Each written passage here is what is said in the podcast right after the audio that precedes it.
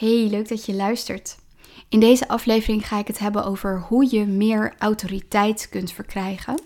En dat is een vraag die ik krijg van ondernemers die al gevestigd zijn, die eigenlijk ook al heel goed hun business runnen. Ze hebben klanten, alles gaat prima. Maar ze merken dat als ze zich echt willen onderscheiden en echt een ehm, positie willen verkrijgen waar ze alleen staan en dus niet meer in die concurrentie constant zijn met hun conculega's, de mensen in hun bubbel, dat het verlangen dus naar autoriteit steeds groter wordt. En dat is logisch, want hoe meer autoriteit je hebt, hoe onderscheidender je eigenlijk overkomt. En autoriteit, ik heb hier al eerder een post over geschreven, gaat over eigenaarschap. En eigenaarschap gaat over belichaming. Um, ik ga verder even niet uitweiden over die post, maar ik ga je wel meenemen in dat waarvan ik denk dat deze elementen, deze drie elementen, jouw autoriteitspositie echt in hele snelle tijd kunnen um, versterken. En het zijn drie elementen en die drie elementen gaan dus eigenlijk allemaal uiteindelijk over eigenaarschap. En ik start met het eerste element en dat is kennis.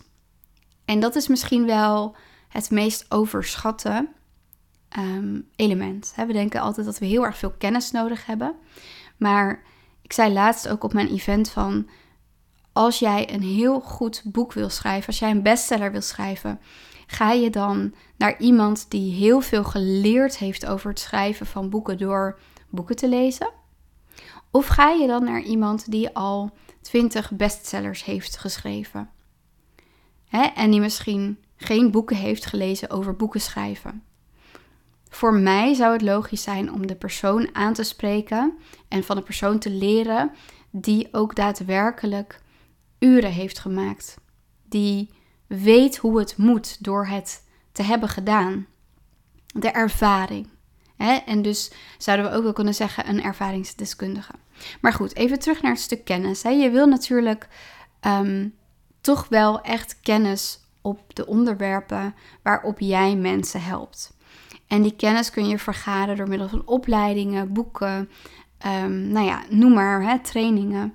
Het zijn allemaal manieren om kennis te vergaren. Het tweede onderdeel, en ik, ik ga meteen door naar het tweede onderdeel, want de mensen die bij mij komen met de vraag naar meer autoriteit, die zitten echt niet omhoog qua kennis. Die hebben genoeg kennis. dus dat is eigenlijk ook al een vereiste om genoeg kennis te hebben. Het tweede is expertise. En expertise, dat gaat dus over vlieguren maken. En vlieguren maken is denk ik het allerbeste wat je kan doen. Ik heb echt honderden mensen begeleid de afgelopen jaren. En ik heb daar zoveel van geleerd. Ik ben zo vaak op mijn bek gegaan. Ik heb zoveel fouten gemaakt. En hoe meer fouten je maakt, hoe meer je leert, uh, hoe vaker je het doet. Weet je, het zijn allemaal dingen die bijdragen aan het opbouwen van een expertstatus. Een expert is iemand die met de kennis die hij heeft in de praktijk ook daadwerkelijk gaat doen met die kennis wat diegene te doen heeft. En direct met die feedback ook weer beter kan worden. Hè? Dus zo ehm, vergroot je je expertstatus. Dus als jij nog in de fase bent waarin je je expertstatus wil opbouwen, dan heb ik echt één tip voor je. En dat is: ga doen. Ga zoveel mogelijk doen. Ga leren. Ga fouten maken. Ga uitproberen. Ga onderzoeken. En hoe meer je doet, hoe beter je wordt. Dus dat is denk ik iets wat heel erg onderschat is. Veel mensen blijven hangen in het stuk kennis. En op het moment dat er actiegerichtheid moet zijn, dan deinzen veel mensen terug. Maar het grootste cadeau wat je jezelf kan geven als je echt beter wil worden, is het gewoon te gaan doen. En start liever vandaag dan morgen. En dan is dus het derde element, en dat is denk ik het meest onderschatte element, je houding, je innerlijke houding. En daar heb ik het heel vaak over, over die innerlijke houding. Maar oké, je hebt de kennis, je hebt de expertise, alles is er. En die mensen zijn er. Er zijn veel van deze mensen die bestaan. Die zijn echt goed in wat ze doen. Maar ook ze hebben heel erg veel kennis in pacht. Maar wat gebeurt er op het moment dat deze mensen met hun kennis en expertise gaan ondernemen? Of misschien al aan het ondernemen zijn, maar bijvoorbeeld zich meer willen gaan richten op een hoger segment. Dan komen er allemaal angsten, patronen, zelfsaboterende mechanismen naar boven. Zoals bij ieder mens. Ieder mens wat uit zijn comfortzone gaat en nieuwe dingen gaat proberen, gaat te maken krijgen met weerstand, met angst, met stemmetjes, etcetera, etcetera, etcetera. En het maakt niet uit op welk niveau je bent, hè, dat zeg ik heel vaak, maar in mijn beleving is dat echt zo. De angsten worden niet kleiner uh, of minder. Het is alleen de manier waarop je met angst omgaat, die, als het goed is, anders wordt. Ik hoop voor je dat dat zo is. Voor mij is dat wel zo. En dat maakt het een stuk lichter. Ik denk op het moment dat dat niet zo zou zijn, dat ik een stuk minder plezier en vervulling zou ervaren. Dat, ja, dat is wel echt de indruk die ik heb op het moment dat, het, um, dat je er moeilijk mee omgaat en het je heel erg blijft beïnvloeden, dan um, is het een lange rit, denk ik. Dus het is belangrijk om aan je houding te werken. En kijk, als, als uh, het echt alleen maar zou gaan om kennis en expertise, dan was iedereen nu echt een, een high-level ondernemer geweest. Maar wat ik zie gebeuren is dat het niet ligt aan het gebrek aan kennis, het niet ligt aan het gebrek aan expertise, maar dat het ligt aan het handelen naar angsten, naar ehm, ja, niet door de weerstand heen gaan, door de angst. En ik denk dat dat heel erg zonde is. Want je hebt dus de twee elementen om die autoriteit te verkrijgen, die heb je. Maar het enige wat er ontbreekt is eigenlijk het innerlijke stuk. Dus niet de kennis die je uit boeken en uit trainingen en opleidingen hebt opgedaan. Misschien heb je wel jaren gestudeerd. Dat, is, dat is extern. Ehm, expertise is al wat meer extern-intern. Dus je, je gaat dingen doen en je krijgt daar door feedback en daardoor verbeter je jezelf. Maar het zit toch veel meer in de actiegerichtheid.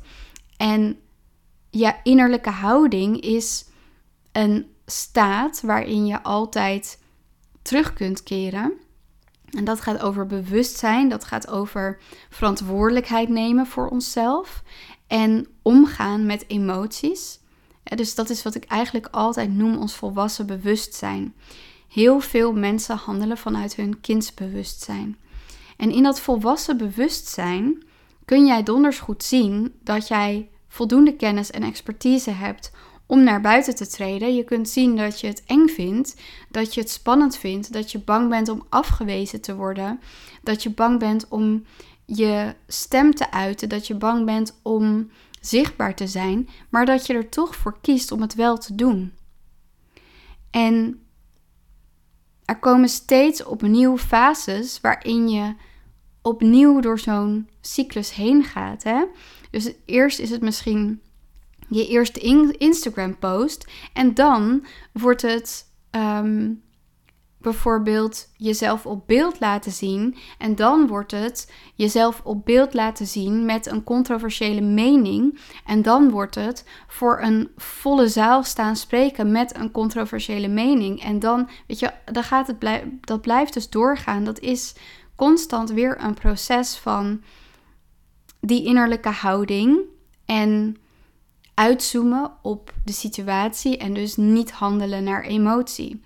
Want alleen dat stuk innerlijke houding kan er dus soms voor zorgen dat je expertise en dus je expertstatus en je kennis totaal verloren gaan. Het komt niet eens tot zijn recht en niet omdat het er niet is, maar omdat jouw houding ervoor zorgt dat het niet tot uiting komt. En op het moment dat het niet tot uiting kan komen, kan het ook nergens landen. En dus is het een beetje alsof je maandenlang werkt aan een prachtig kunstwerk, wat je vervolgens op een donkere zolderkamer ophangt achter een muur waar niemand ooit zicht zal hebben op dit kunstwerk.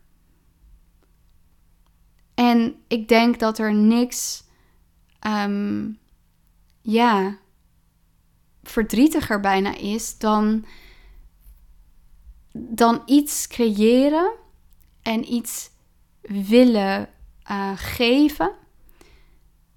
Terwijl je dat dus uiteindelijk niet gaat doen, omdat je um, jezelf laat weerhouden door je emoties en door je stemmen en door je patronen.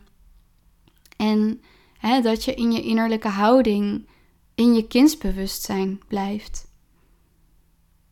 En misschien als je dit hoort, denk je van ja, dit zijn mensen die um, nog startend zijn.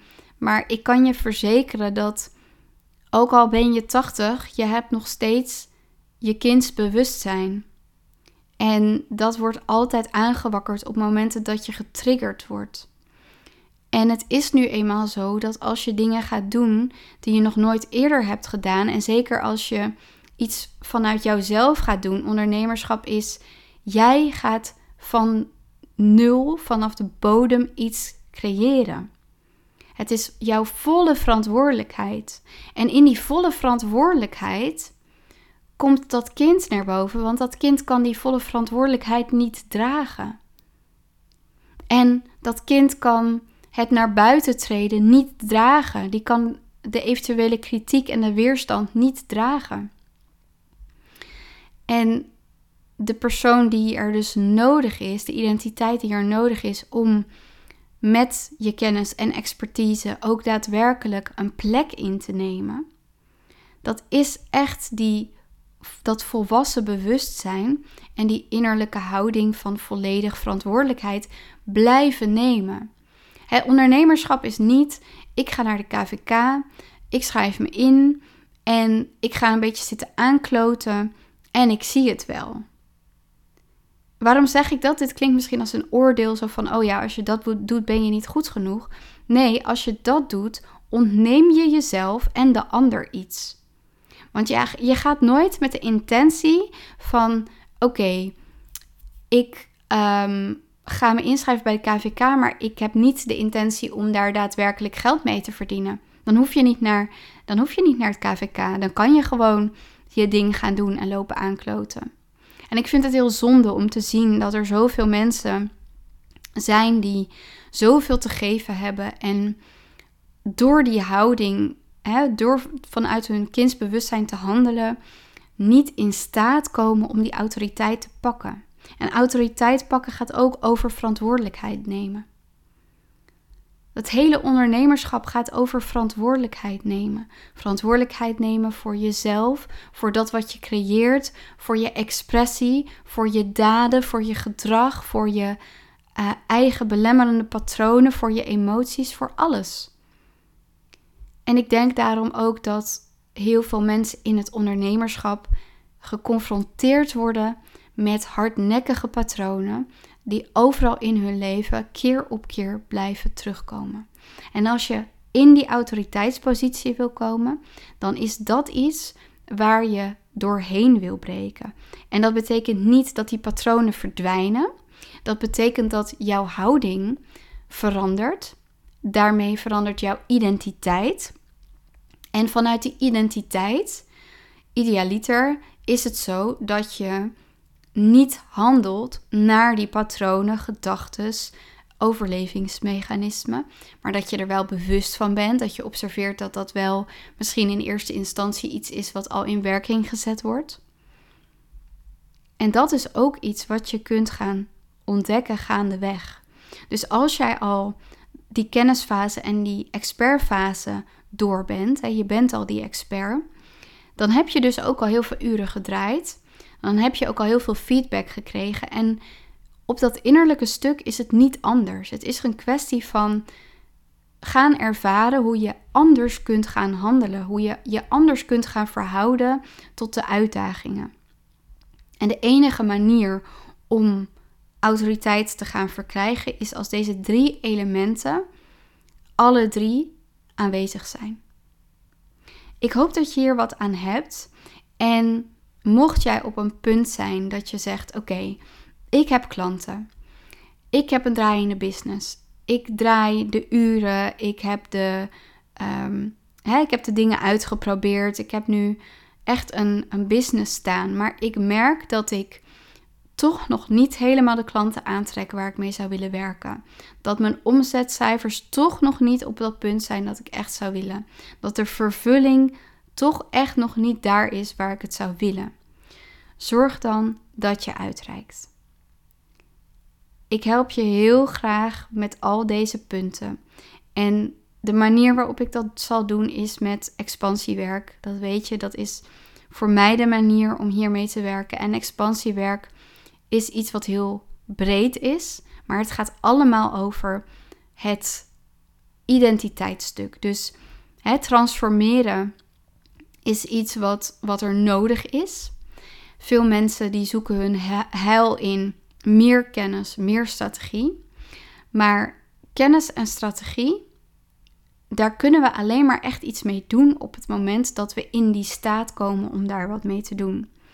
En zoals ik al eerder zei, dus in deze aflevering, is de staat van zijn, de identiteit van veel mensen, ehm, van veel ondernemers, niet in lijn met de autoriteitspositie die ze wil, willen claimen. Dus wil je een autoriteitspositie claimen, dan heb je een autoriteit te zijn. En een autoriteit is iemand die volledig, volledig, volledig verantwoordelijkheid neemt. En dat is iets waar de meeste mensen niet toe bereid zijn. En als jij wel die persoon bent die die bereidheid heeft, dan garandeer ik je dat dat alleen al je garantie is tot succes. Dat dat alleen al je garantie is tot het verkrijgen van die autoriteit. Je kunt met mij één op één werken in mijn één op één mentorship. Dat zijn echt beperkte plekken, alleen voor mensen die gestaag doorgroeien naar een miljoen omzet per jaar. Maar mocht je nou nog niet op dat punt zijn en mocht je nou wel heel graag willen werken, dan kan dat in mijn jaarprogramma Expansiewerk. Er zijn 10 plekken, er zijn er inmiddels al een aantal vergeven en je kunt nu nog instappen voor de Early Bird prijs. Dus stuur me even een DM als je wil meedoen. Ik denk dat het echt heel waardevol is dat als jij met dit soort vraagstukken in je hoofd rondloopt, om gewoon het gesprek aan te gaan, even los van of je besluit om met mij te werken of niet. Ik kijk heel graag even met je mee naar wat er mogelijk is. En dan kunnen we altijd kijken of er een match is. Mocht je nog niet klaar zijn om in een van mijn trajecten te stappen, maar wel heel graag live willen proeven van wat expansiewerk nou echt inhoudt, kom dan 18 juni naar mijn expansie-event. Uh, klik even op de link, boek je tickets, nu ook nog voor de Early Bird prijs en uh, dan zie ik jou dan. Dankjewel voor het luisteren en tot de volgende aflevering.